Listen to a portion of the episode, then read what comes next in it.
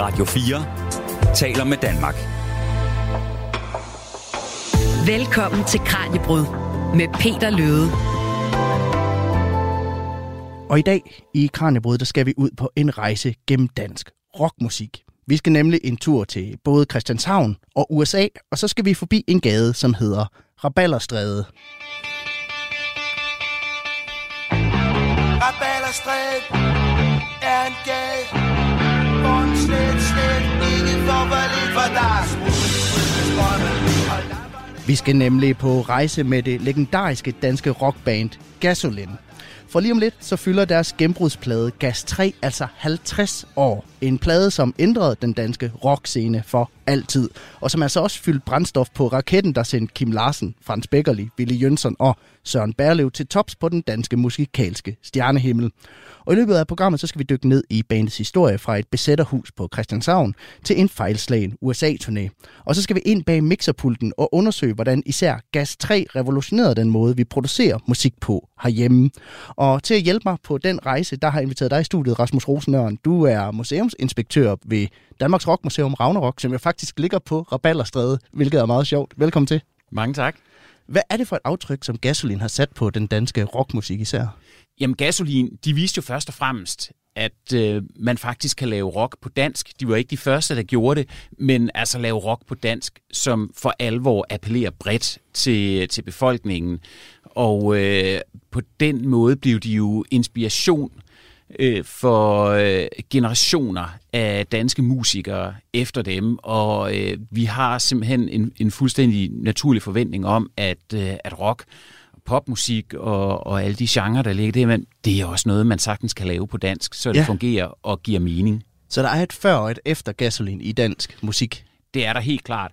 Og udover øh, det med den dansksprogede rock, så har de også øh, sat øh, øh, aftryk på rigtig, rigtig mange andre øh, øh, aspekter af, af musikscenen. Og øh, det blev i hvert fald til en karriere med masser af succes. Så hvis du tør, så kom med mig, når vi udfolder historien om danske gasolin. Jeg hedder Peter Løde. Velkommen til Kranjebrud. Du lytter til Kranjebrud på Radio 4. Og hvis vi skal tage historien om gasolin fra, fra starten af Rasmus, så starter den jo på Christianshavn i sådan slutningen af, af 60'erne. Et sted, der hedder Sofiegården. Hvad er det for et, øh, et sted?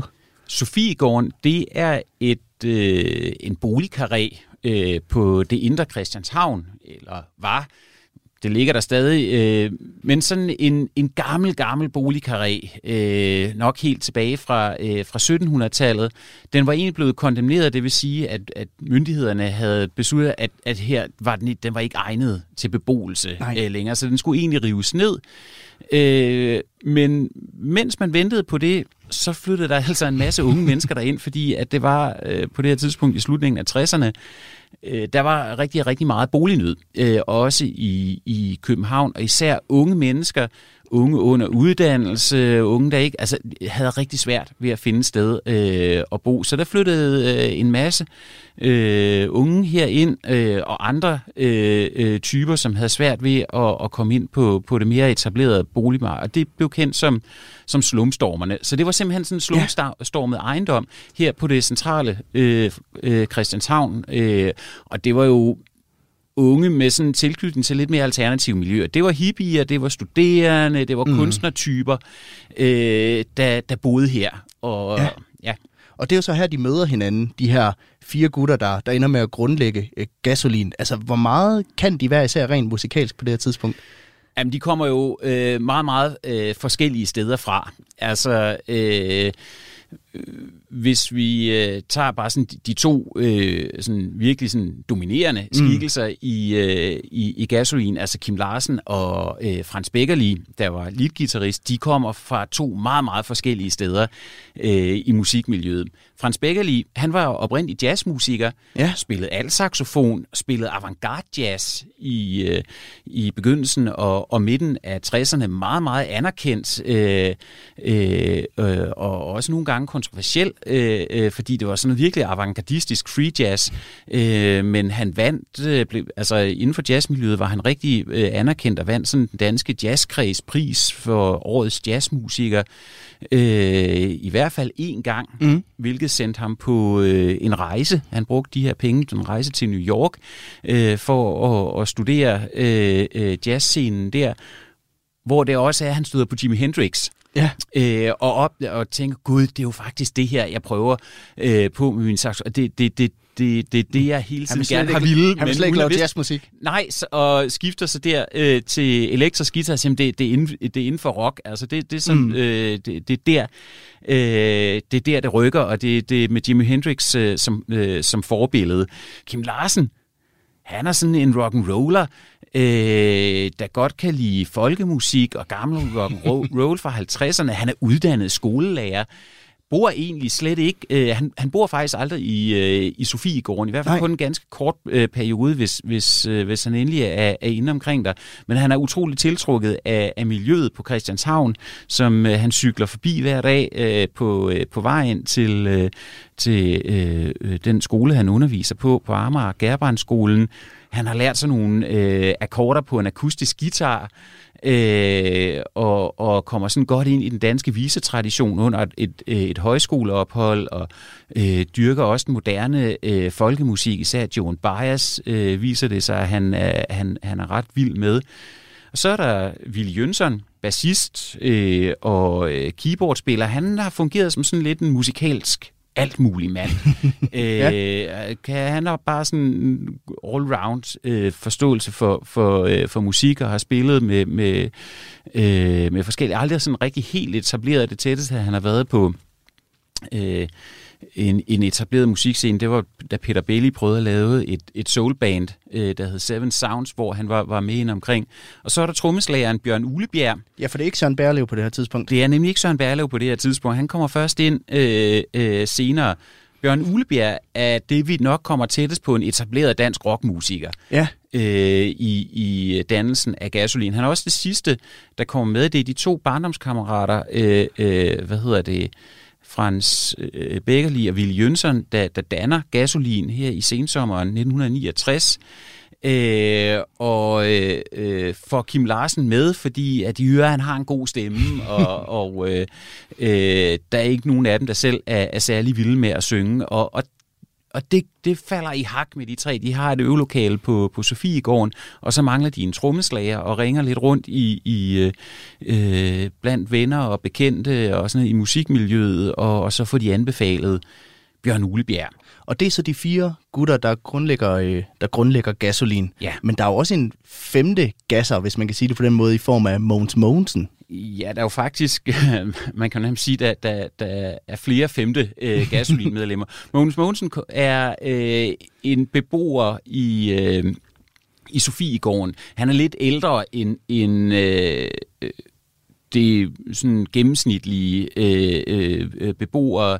Det er, han er, øh, øh, er, er flyttet ind, fungerer som sådan en eller anden form for, for pedel øh, på, på, på Sofiegården og også, øh, man passer egentlig godt ind, fordi han har sådan en poetisk åre, øh, og øh, han kan altså noget med tekster, som, øh, som de ikke helt kan endnu i Gasolin. Øh, han, kommer, han er med på den første Gasolinplade, mm. hvor han reciterer et af sine digte, et nummer, der hedder Tremastet Beton, Øh, og, og så fra den anden gasolinplade, altså Gas 2, så er han med som fast øh, tekstforfatter, når, når sangene skal til at tage endelig form øh, og have tekster, og kommer med, med rigtig meget af, af det, som, som vi også opfatter som det, det gasolinske tekstunivers. Og øh, lad os prøve at høre et nummer fra den aller, aller første gasolinplade, nemlig en klassiker, der hedder Langebro. Jeg giver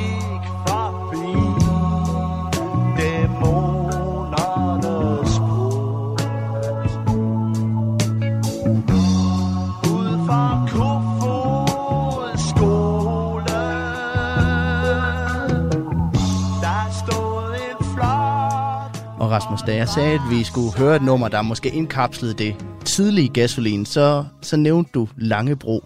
Altså, hvordan repræsenterer den lyden af det tidlige band?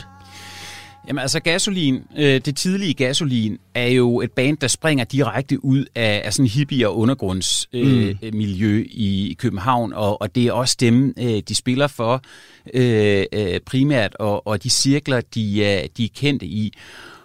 Og så helt fra starten har de den der meget tydelige Christianshavner-identitet. Det er et band for Christianshavn, og, og den her sang, Langebro, den handler simpelthen om det, de kan se ud af, af deres vinduer, når, øh, hvad hedder det, altså når de kigger ud af vinduerne på, på Sofiegården. Øh, Kofods skole, øh, som, som bliver nævnt her, det hedder i dag Christianhavns øh, beboerhus, øh, men var sådan et sted, øh, hvor øh, øh, subsistensløse og, og øh, øh, spritter og så videre kunne, øh, hvad hedder det, øh, øh, kunne overnatte, mm. og der var sådan små værksteder, de, de kunne arbejde i. Der, det var også øh, et sted, hvor der blev solgt brugt tøj, eller man kunne sådan hente brugt tøj. Det benyttede gasolinmedlemmerne sig af, og der var jo, de gik i bad øh, på Kofod skole, fordi at der var ikke indlagt varmt vand øh, i Sofiegården og nogle af de ejendomme, øh, som, som de senere kom, øh, kom til at bo i. Øh, så, så, så det var sådan, altså, de var, altså, det var det miljø, de, de selv er en del af, de skriver, og det finder man rigtig meget, især på de to første ja. øh, øh, gasolinplader, som en beskrivelse af, af, hvad der er lige uden for, øh, øh, for, for deres vinduer og, og i der, deres nære miljø, og der bliver jo simpelthen nævnt de her lokaliteter, som hvis, hvis man er lidt inde i lokalmiljøet, man, man, man kan genkende. Man kan jo faktisk gå ruten næsten med, med, med sangen i ørerne. Ja, altså hvis, hvis man, det, det er ikke Langebro, altså hvis, hvis man skal gå fra, fra Indre København til, til, øh, øh, til Christianshavn, så er det ikke Langebro, øh, øh, man skal over, men, men Knibbelsbro, men, men, men det passede bedre øh, med versefødderne på den her melodi. Og rent musikalsk, så indkapsler den her også det tidlige gasolin, fordi at der er simpelthen det musikalske møde mm. mellem Kim Larsens folkemusiktradition, fordi det her det er faktisk ikke en melodi, som, som Gasolin selv har skrevet. Nej. Det er en version af en gammel engelsk folkemelodi, øh, der hedder Jordi, som man finder i en ret ikonisk optagelse på en Joan Baez-plade fra 1962, Joan Baez Live in Concert, volume 2, øh, som jeg er ret sikker på, at Kim Larsen har voldhørt, fordi at der er flere af sangene på lige præcis den her plade, som, som han har taget til sig og lavet sine egne versioner af. Øh, både, øh, både solo, øh, men, men, men også sammen med, med Gasolin. Øh, så, så den har han taget den her og foreslået, øh, og så har de fået skrevet den her øh, danske tekst til den, de selv er ansvarlige for. Og så er der guitar-soloen, øh, der kommer øh, midt i sangen, som, hvor man hører øh, Frans Beckerlis fuldstændig tydelige øh, Hendrix-inspiration og fascination. Men hvordan er modtagelsen så af de to første album, som jo er lidt mere eksperimenterende i, i deres lyd? Jamen, de bliver sådan set meget vel modtaget. Altså, øh, øh, den første bliver, bliver vel modtaget. Ikke prangende anmeldelser, men, men interessant øh, og godt. Øh, og den anden får, får lidt bedre anmeldelser øh, og, og sælger lidt bedre, men altså stadigvæk til, til et, et, et rockinteresseret publikum og, og et publikum, som... Øh, som også hører meget andet, og, og hvor Gasolin bare er et band på den danske rockscene, sammen med Skovsen og Ingemann, uh, Burning Red Ivanhoe, uh, Al Runerod og hvad der ellers er af, af, af musik, og man siger, også internt i, i musikmiljøet, altså blandt andre musikere, mm. der bliver der kigget lidt skævt til dem, fordi at... Uh, at, at uh, i forhold til mange andre, der, der er de jo ikke øh, på det her tidspunkt i hvert fald særlig erfarne eller velbevandrede øh, rockmusikere. Der bliver lidt grin af dem og sådan, ah, de skulle måske lige lære at spille lidt øh, bedre inden de, men, men altså de har i, altså, hvad de andre måske har i musikalske evner, det havde Gasolin øh, øh, også helt fra de, fra de tidlige år, så til gengæld i flid og, og disciplin og, og at gå på mod. Men det folkelige genbrud, det kommer jo så, da Gas 3 lander på hylderne i efteråret 1973. Fordi den bliver nemlig en kæmpe succes, og hvad det skyldes, det dykker vi ned i lige om lidt. Du lytter til Kranjebrud på Radio 4. I dag i Kranjebrud, der er vi i selskab med Inga og Katinka og smukke Charlie på sin Harley. Der var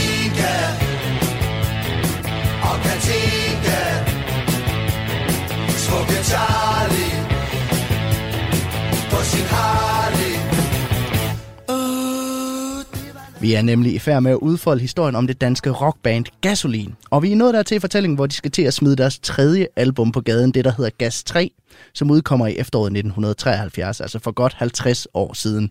Og hvor den her sang, og det var Inga og Katinka og Smukke Charlie på sin Harley, den altså også kan findes på. Min gæst i studiet i dag er Rasmus Rosenørn, der er museumsinspektør på Danmarks Rockmuseum Ragnarok i Roskilde. Og Gas 3 blev til i samarbejde med en gut, der hedder Roy Thomas Baker. Det kan være, du skal starte med at fortælle, hvem han er, og hvad det er, hans betydning er i, i tilblivelsen af den her plade. Um, Roy Thomas Baker, øh, han øh, er en, øh, en engelsk pladeproducer, øh, og øh, han er gået hen og sådan blevet sådan en af de helt store, øh, legendariske producer. Mm. Øh, på det her tidspunkt, der er han sådan relativt øh, ung øh, og, og ukendt.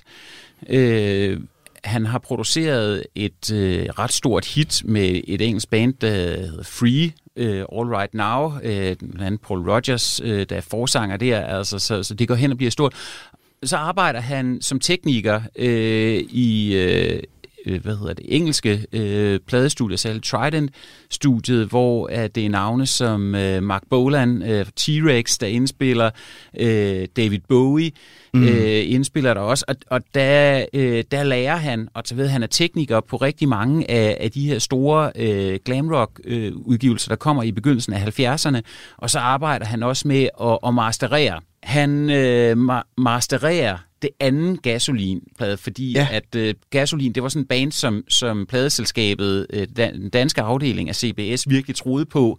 Altså det, det og øh, så, så de skulle have det bedste af det bedste, så derfor sendte man de færdige øh, optagelser til, til England, øh, hvor, øh, hvor de skulle mastereres, og, og øh, Roy Thomas Baker, der fik den her opgave, han brokkede sig simpelthen over kvaliteten af de her optagelser. han mente, det kunne han aldrig få til at lyde godt, og lige meget, hvor meget han kæmpede med det.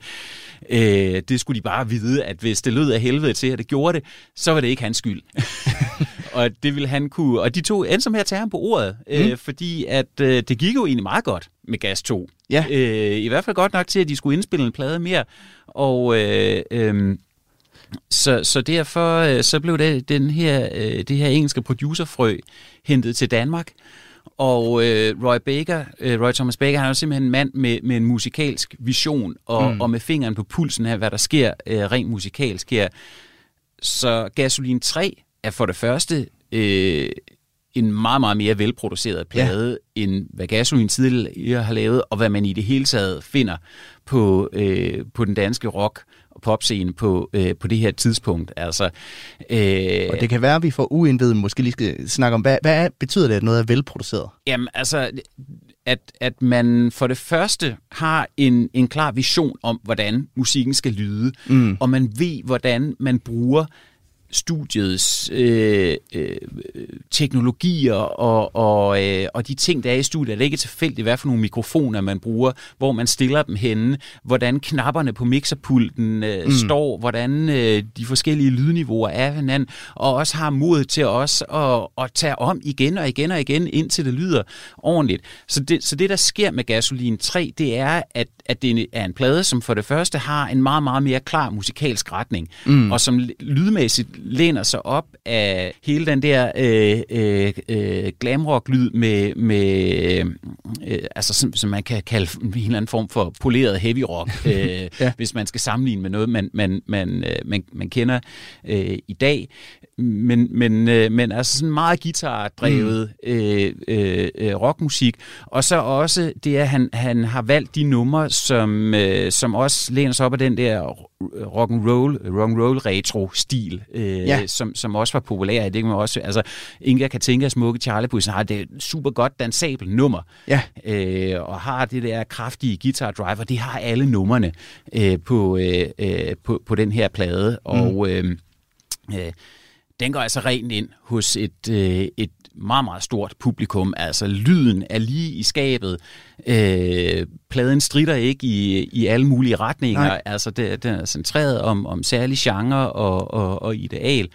Øh, så, så den fungerer bare super, super godt. Og Gasoline er også vokset som sangskriver på det her tidspunkt. Men det lyder også som om, at Roy Thomas Baker på en eller anden måde er en større del af den kreative proces, end man normalvis er, er vant til i musikbranchen på det her tidspunkt. Ja, det at, at øh, arbejde med producer, som rent faktisk har, øh, har holdninger til, hvordan musikken skal lyde, og kan være fødselshjælpere for, for et band.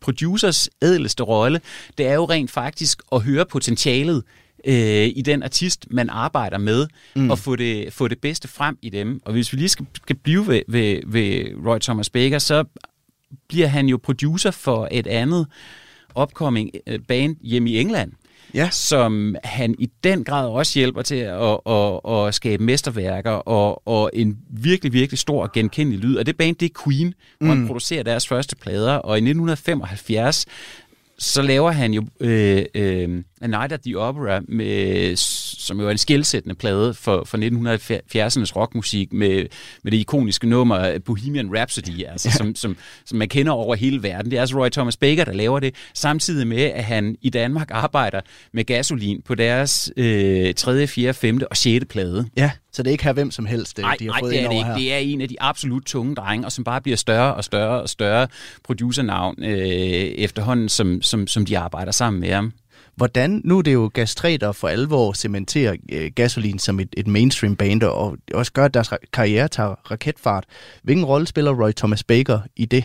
Jamen, men det at, at, øh, at Gasolin får en lyd som det her rockband, mm. og, og, og øh, hvad hedder det, får en international lyd også, og det er noget, som Gasolin gerne vil.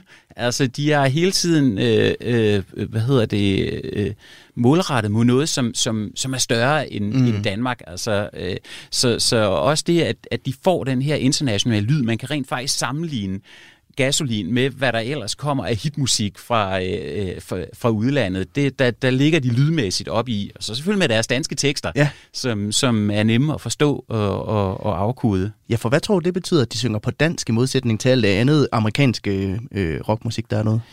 Jamen, det er jo sådan en, en blanding, som, øh, øh, som fungerer øh, rigtig godt og, og, og, og appellerer især til, øh, øh, til rigtig mange, til unge, teenagerne. Mm. Altså det, som også sker med, øh, med Gasolin 3, altså det, det brede publikum, de møder, det er teenager, og især de unge teenager over hele landet. Og der er Gasolin, altså mm. musikken, lyder som, som, som det, som, som teenagerne godt kan lide. Altså øh, sweet, det, slate, Det passer ind i tiden. Simpelthen. passer simpelthen ind i tiden.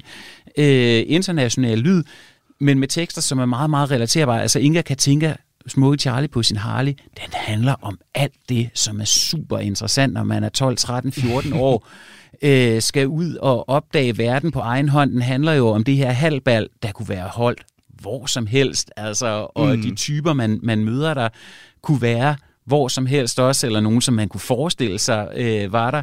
Øh, og det er jo selvfølgelig en, en, en fantasiverden, der bliver beskrevet her, men alligevel ikke mere fjern end, end noget, som, øh, som, som de her unge mennesker og teenager kan, kan relatere til. Der er de første kys, der bliver fyret en fed, ja. øh, og det er lidt farligt og lidt spændende og lidt sjovt, og gasolin, de er øh, sådan de de ældre og lidt mere erfarne fædre, som tager en med hånden ind i, i den her verden. Og de bliver i hvert fald teenage-idoler, fordi du har jo også taget en masse forskellige ting med her. Det kan være, at vi skal prøve at dykke lidt ned i det, for at prøve at forstå den her idoldyrkelse, der var af gasolin på det ja. tidspunkt.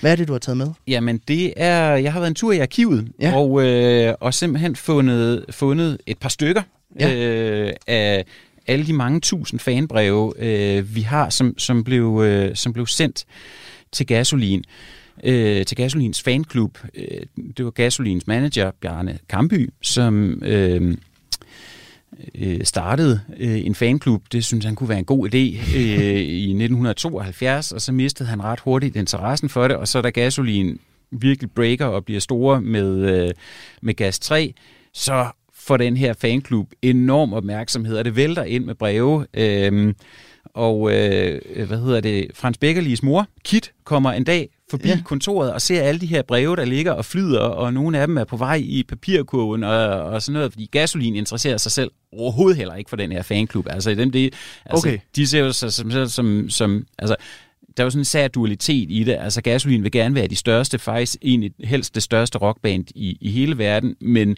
med den rod, de har mm. i sådan det alternative og flippede miljø, så vil, ser de sig jo også selv som en antikommersielt band. Altså, der er sådan lidt, hvordan det hele hænger sammen. Det, øh, øh, så, så, men det der med et fanklub, det er sådan en type band, øh, er de i hvert fald ikke. Så de gider, og, men Kit, altså, og Mama Beckerli, som hun bliver ja. kendt som blandt fansene, øh, hun er den gamle skole, så når man får et brev, så svarer man altså på det. Okay. Så hun samler øh, de her breve op og, og får styr på den her fanklub og udsendt medlemskort og øh, får så... lavet sådan en fanpost og, og besvarer i høj grad rigtig, rigtig mange mm. af, af, af de her breve. Så det er og, hendes fortjeneste, at vi har dem her Ja, dag? lige præcis. Og hun øh, gemte dem nemlig alle sammen, og hun er, øh, de fleste af dem har hun fået sat datostempler på. Og, Okay, og, så, øh, og sådan, og man kan bare se, hvordan sådan efteråret øh, øh, 73 og, og øh, de første vintermåneder af 74, hvordan det bare vælter ind mm. med, med, med post her. Der kommer flere og flere, som gerne vil være med, og mange af dem, de henviser decideret til... Øh, øh, til Gasolin 3 og, og Inga Katinka Smukke Charlie Ja. ja. øh, på sin Harley som, øh, som, et, som et nummer.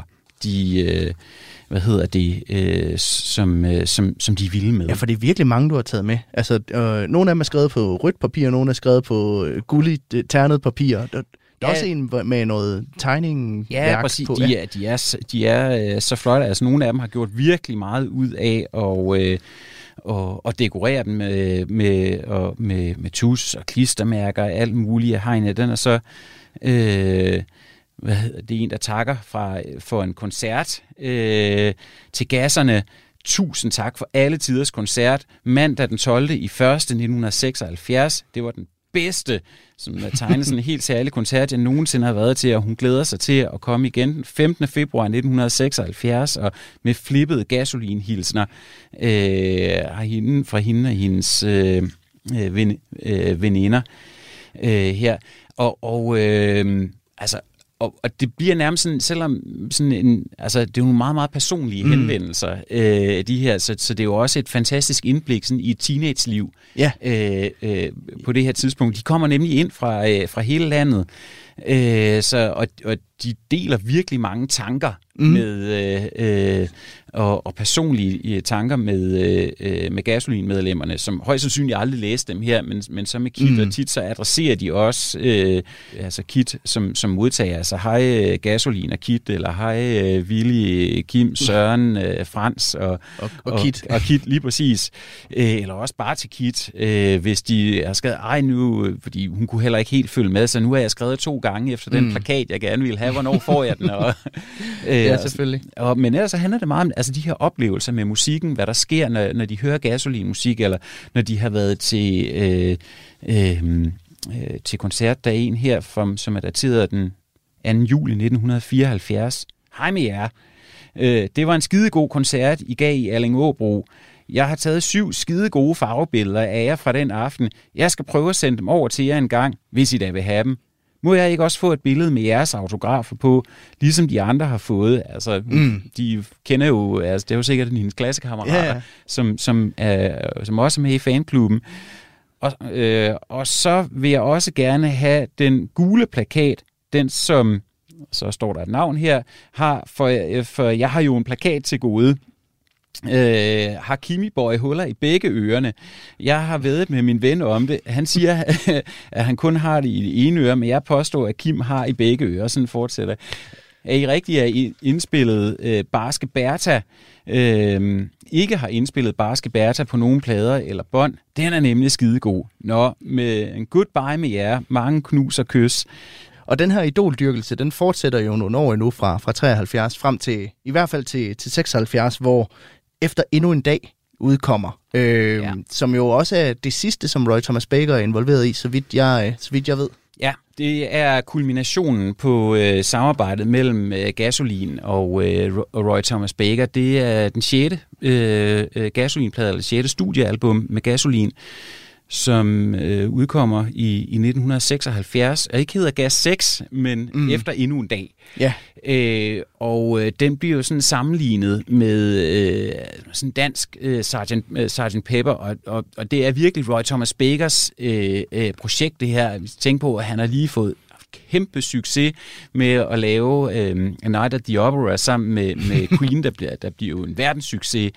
Øh, og, og så han har virkelig blod på tænderne. Nu skal han, øh, nu skal han også øh, til, til Danmark og få det her band til bare totalt øh, at shine. Ja. Øh, så alle sejl bliver, bliver sat, det, øh, sat til her, altså nummerne bliver gennemarrangeret. Øh, mange af dem bliver også orkestreret, altså med stryger og horn, symfoniorkester. Simpelthen det er danske jazzmusiker øh, Palle Mikkelborg, men som øvrigt var, også var en glimrende, øh, fremragende øh, arrangør, som, som skriver nogle ret store arrangementer til de her øh, plader, og, og alle sejl øh, bliver simpelthen sat til også under indspilning, hvor øh, Roy Baker, øh, han hejler øh, øh, dem igen, igen og igen. Alt skal være perfekt, det skal være mm. lige i skabet, fuldstændig. Øh, og med lavkageindspilninger, hvor man, man indspiller hvert instrument for sig, og, øh, og så man virkelig kan, øh, kan kæle for lyden, og der må bare ikke være, være nogen fejl. Øh, så, så, så, og, så det er jo virkelig en plade, som fordi det, den, den er så, så gennemproduceret og så gennemarrangeret, mm. og også, også skiller sig ud i, øh, i gasolins øvrige produktioner med en, en, en, en kæmpe masse lyd, og derfor bliver den også sammenlignet meget med, med Beatles-albummet Sgt. Pepper's uh, Lonely Heart Club Band, hvor, ja. øh, som, som jo også er sådan en produktionsmæssig kulmination på, øh, på, på, på Beatles karriere, hvor de så også bagefter vælger at gå, gå i en lidt anden retning. Men man kan jo simpelthen også bare høre det på måden, pladen er sekvenseret på, altså den rækkefølge, numrene kommer, mm. øh, og, og går over i hinanden, hvor Sgt. Pepper's Lonely Hearts Club Band slutter af med en reprise af ja. nummeret, øh, så, altså indlednings det første nummer, Sgt. Pepper's Lonely, så kommer der lige sådan øh, en fortolkning af det til sidst, øh, som, med, som så glider over i bandets konklusion, den store powerballade øh, A Day in the Life, fuldstændig samme sker på efter endnu en dag, hvor øh, der er nummer, der hedder Stena eller Jazz, ja. som, som øh, sådan en orkestrering af alle, øh, øh, hvad hedder det, øh, pladens nummer, også en musikalsk konklusion, som så glider over i Gasolins store øh, powerballade, øh, This is my life, altså også bare life går, går igen mm, i, ja. øh, men, men, øh, men som så konkluderer øh, pladen til, til sidst. Men hvad er det så for en udvikling, som bandet har været igennem på de her, de her tre år? Altså, det er jo øh, en udvikling fra at være et hippieband. To første plader, den tredje øh, bliver teenage-fænomen mere og mere populær med, med, med fjerde og femte til at de har haft et decideret, altså de folkeligt band mm. øh, på det her tidspunkt, hvor der også fra pladeselskabets side bliver, bliver øh, investeret mere og mere i dem. Øh, Øh, og og øh, de rykker også fra, øh, fra at spille i de små klubber øh, rundt omkring så, øh, øh, og forsamlingshuse til øh, med udgivelsen af den femte plade, at, at det så simpelthen er idrætshaller, de ja. spiller i, øh, altså fordi de bare kan tiltrække et større og større øh, publikum, altså større og større steder. De spiller også den første, øh, Danmarks første stadionkoncert i, øh, i, øh, i, i 1975 i Idrætsparken i, øh, i, i København. De bliver for store til, gas, øh, nej, til mm. Roskilde Festival, ja. Altså, hvor de bare kan sige, hvis I ikke vil betale det, vi vil have, så gider vi slet ikke at spille. altså det er, vi kan, ja. Og det giver dem i hvert fald blod på tanden til at se, om de så også kan erobre rockens hjemland, USA. Og hvordan det kommer til at gå dem, det kan du høre lige om lidt. Du lytter til Kranjebrud på Radio 4. think tomorrow I'm gonna strike because I just got a brand new bike.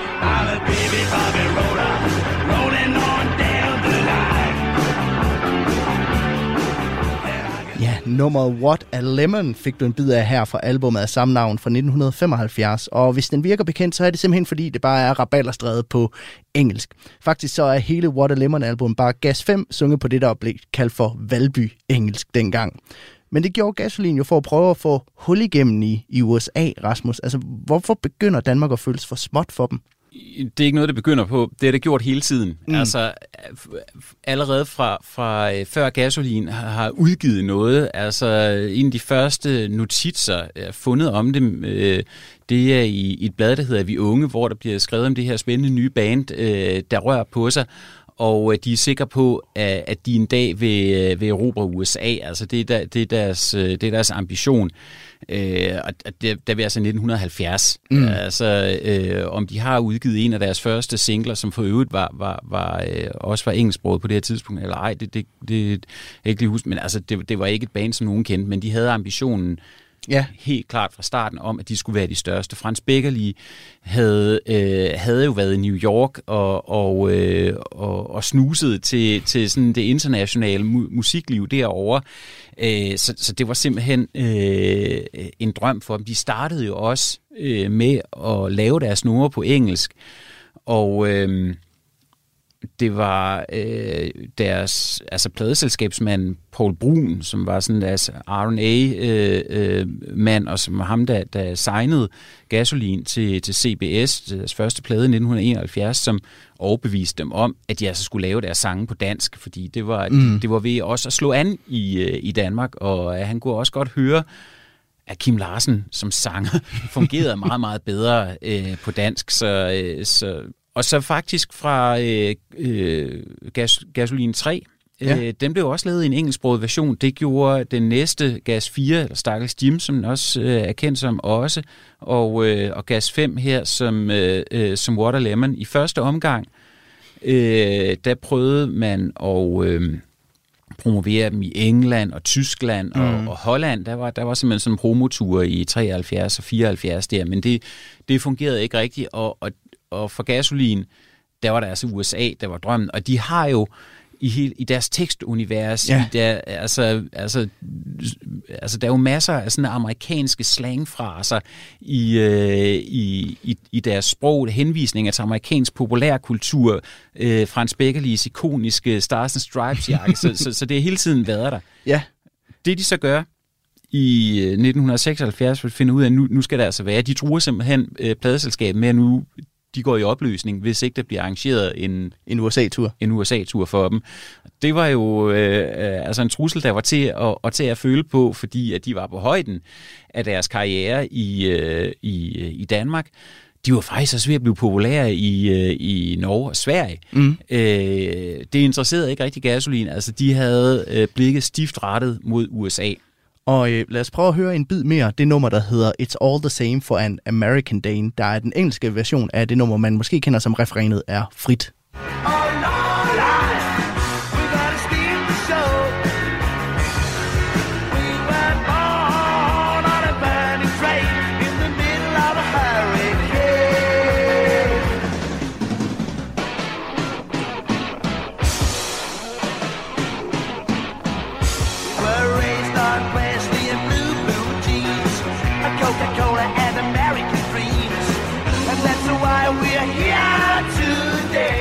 Ja, Blue Jeans og Coca-Cola og American Dreams, og man kan også høre det allerede i titlen, altså øh, American Dane.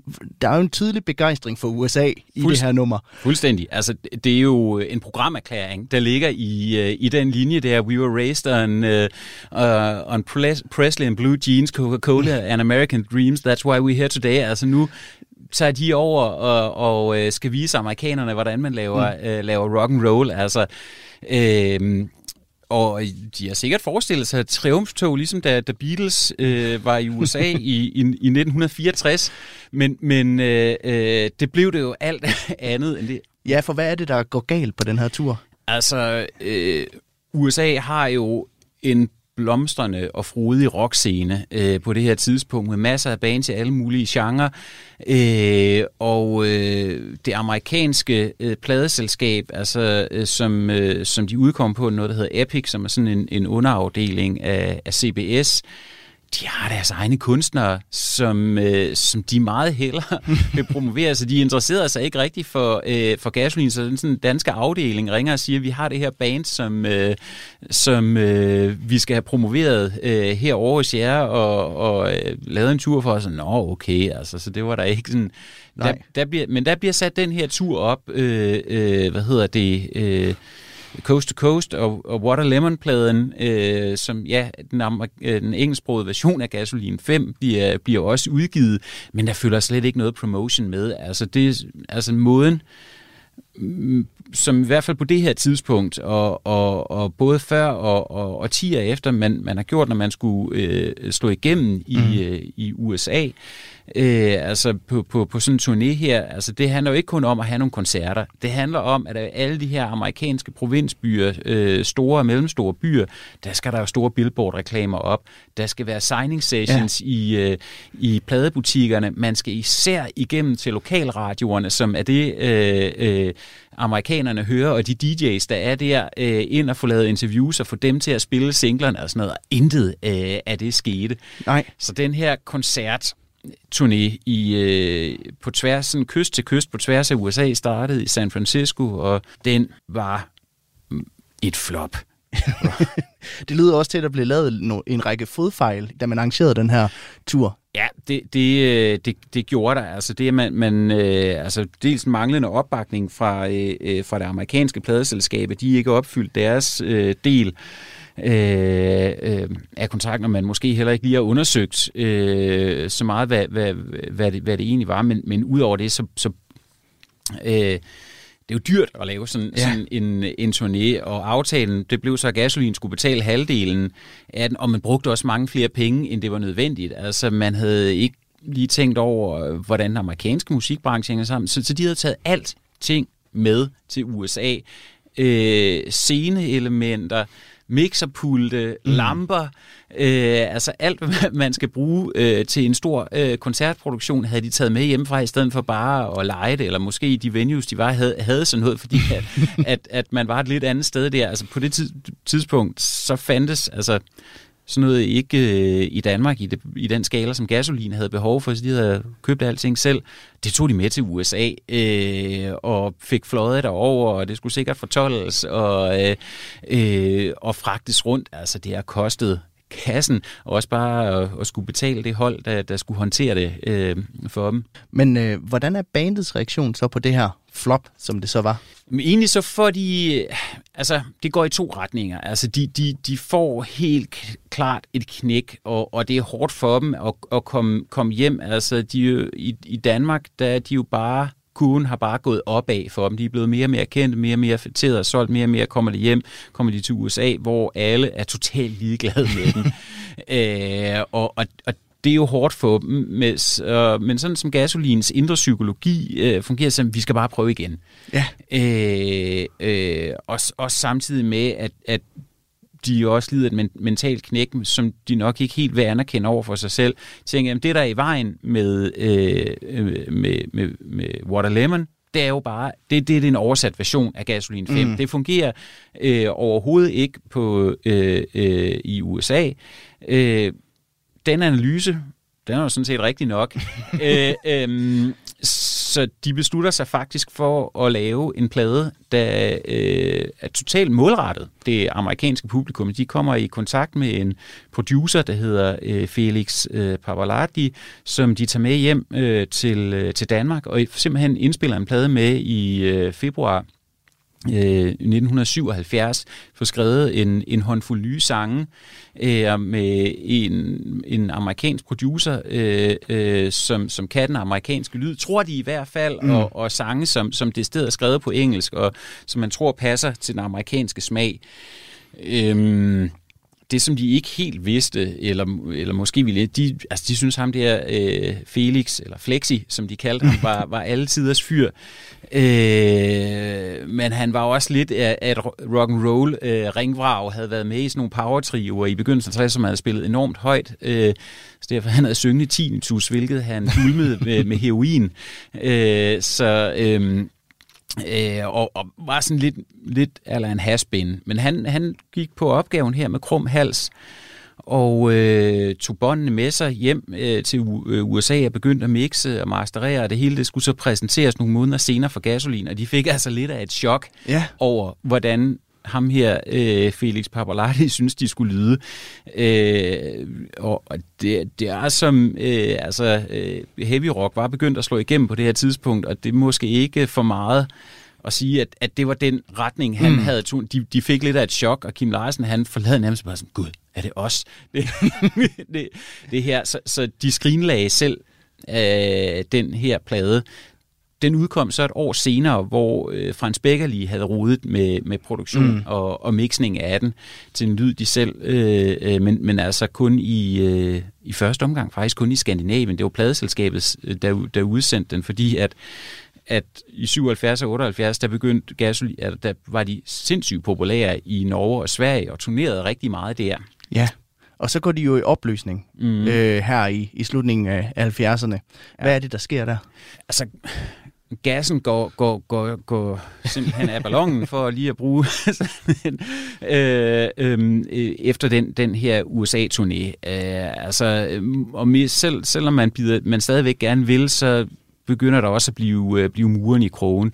De laver for eksempel heller ikke en, en, en dansksproget opfyldning til, til Gasolin 6 eller efter endnu en dag med, med Roy Thomas Baker. Øh, pladen gør det noget, producerer de selv øh, med deres sådan, faste live-lydmand øh, Rocco øh, bag, bag knapperne. Øh, og øh, ja, de skrinlægger det, den her øh, plade til, øh, til USA, som bliver ind, udsendt sådan lidt øh, desperat i, i 78. Og internt i Gasoline Line ved man nok, at, at det også er ved at være slut. Kim mm. Larsen, han begynder også at og, og gerne ville noget andet solo. Han udsender faktisk en, øh, en soloplade med, noget, med, med nogle amerikanske musikere i 1977, også Kim Larsen og Yankee-drengene. Mm. Øh, og og øh, men, men deres, deres manager på det her tidspunkt, Knud Thorbjørnsen, han øh, også i internt i gasolin kendt som Knud, Knud Mange Penge, han vil jo gerne have, at de fortsætter. Øh, der, der er... Øh, Øh, og han siger, jamen vi skal, vi skal bare prøve igen, drenge. Vi, jeg har en anden plan for at få jer. Øh, øh, øh, den hedder Melodi Grand Prix. Ja. Danmarks Radio havde, øh, havde fundet ud af, at i 1978, der ville de sætte øh, det, øh, hvad hedder det, Melodi Grand Prix på igen, og Danmark skulle deltage i det internationale Melodi Grand Prix, og det havde Knud Torbjørnsen fået opsnuset, så han sagde til Kim Larsen, skriv en vindersang, så I kan vinde øh, mm. øh, det danske Melodi Grand Prix, øh, og vinde det internationale Melodi Grand Prix, så kan det godt være, at vi ikke starter med USA, men, men så kommer I ud af Europa på den her måde. Ja. Og Kim Larsen skrev faktisk også en sang, og den blev godkendt. Øhm, øh, blev præsenteret for, for Knud, og, og han sagde, fedt mand, det er den her, den skal vi bare have tilmeldt. Øhm, men den bliver aldrig tilmeldt. Nej. De forærer den simpelthen væk til, øh, hvad hedder det, en ven, veninde fra Christianshavn, som spiller sammen med deres øh, oprindelige øh, trommeslager øh, Bjørn Ulebjerg. Som, mm. Det er jo sådan en familie, så det, de har stadigvæk kontakt. Men det er simpelthen Lone Kellermann, der får den her sang, der bliver hendes gennembrudshit, nemlig Se Venedig at dø. Ja. Øh, så den kommer aldrig i Melodi Grand Prix med, øh, øh, med gasolin. Øh, så i 1978 øh, der går de i opløsning, men egentlig uden at udsende noget øh, officielt om det. Det bliver holdt helt hemmeligt internt, ja. så da de spiller deres sidste koncert øh, i Jødeborg i, øh, i øh, august måned øh, 76, nej 78, så er der faktisk ikke nogen, der ved på det her tidspunkt, at det er Gasolins afskedskoncert, øh, vi får her vi begynder så småt at løbe tør for tid i dag, Rasmus, men jeg kunne godt tænke mig at høre her til sidst, altså hvis man skulle nævne et område, hvor gasolin særligt har sat sit præg på musikbranchen herhjemme, hvor, hvor er det her fingeraftryk så særligt tydeligt? Jeg startede med at sige, at, at de gav en, en tro på at, at vise, at man kunne lave øh, meningsfuld øh, rockmusik øh, på dansk, for, for, for et, øh, der appellerede bredt. Men de gjorde meget andet. De professionaliserede øh, hele den danske musikbranche øh, på en måde, den, den heller ikke var, for, var før. Altså, og, og, og det har også sat sig vare i, øh, vare i altså alt fra musikproduktion, det at og i det hele taget tage produktion alvorligt og vise, hvad, mm. hvad, hvad, hvad det kan. Altså, øh, der har siddet en, en generation af, hvad hedder det, øh, folk, der slog igennem som, som producer og, og, og, og været teknikere for Roy Thomas Baker øh, under... Øh, øh, gasolinindspillingerne, altså øh, Stig, Stig Kreuzfeldt, Flemming Rasmussen og, og andre, som, som, øh, som, som har slået, slået sig fast som, som store producernavne og simpelthen suget til sig her. Øh, afviklingen i, øh, i, øh, af koncerter, altså i, øh, i stor stil. Altså, da de begynder at spille haller, så findes det udstyr ikke i, øh, i, i, i Danmark. Så det at have et kæmpe road crew, og, og øh, da, da, som, som man er på turné med, det er gasolin, øh, der starter det. Så er der også management, altså de skifter simpelthen man- manager. De har starter med at have en manager, der hedder Pierre Sales, som sørger for, at de får øh, hjælper dem bare til at få en, en, plade, en pladekontrakt. Øhm, men så for virkelig at få dem ud, så skifter de øh, Pierre Sales ud øh, med en, der hedder Bjarne Kamby, som ham, han har masser af, mm. af gode idéer, og virkelig er god til at få dem ud. Han siger, at det er også jer, der skal have kontrol over jeres egen lyd. Øh, de er måske ikke det første danske band, der køber deres egen mixerpult, men, men et af de første. Men simpelthen det at have kontrol over sin egen lyd, når man er ude at spille, øh, der, der øh, øh, fører gasolin altså, altså også an da gasolin bliver rigtig stor med nummer 5, så skifter de Bjarne Kampby ud med Knud Thorbjørnsen, som øh, var ham, der fik Beatles til Danmark i, øh, i, i 64. Og øh, han har været turmanager for, for ABBA og Rolling Stones og Ike og Tina Turner osv. Så, altså, så der skal de lige pludselig have en af sådan de allerstørste øh, øh, musikkøbmænd i branchen med til at, øh, at hjælpe sig. Så, så en, en gennemgribende mm professionalisering af, af hele den danske musikbranche, det, det er altså også, hvad, øh, øh, hvad Gasolin øh, gør for den, den arv, de har efterladt os, ud over en øh, masse fantastisk musik. Det bliver alt, hvad vi når i dag. Rasmus Rosenørn, museumsinspektør ved Danmarks Rockmuseum Ragnarok. Tak fordi du ville tage fra Rabalderstræder ind i, ind i studiet i dag. Tusind tak. Du lytter til Kranjebrud på Radio 4.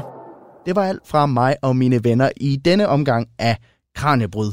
Jeg vil gerne sige tusind tak, fordi at du lyttede med. Jeg hedder Peter Løde, og programmet er produceret af Videnslyd for Radio 4. Tusind tak for i dag. Du har lyttet til en podcast fra Radio 4. Find flere episoder i vores app, eller der, hvor du lytter til podcast. Radio 4. Ikke så forudsigeligt.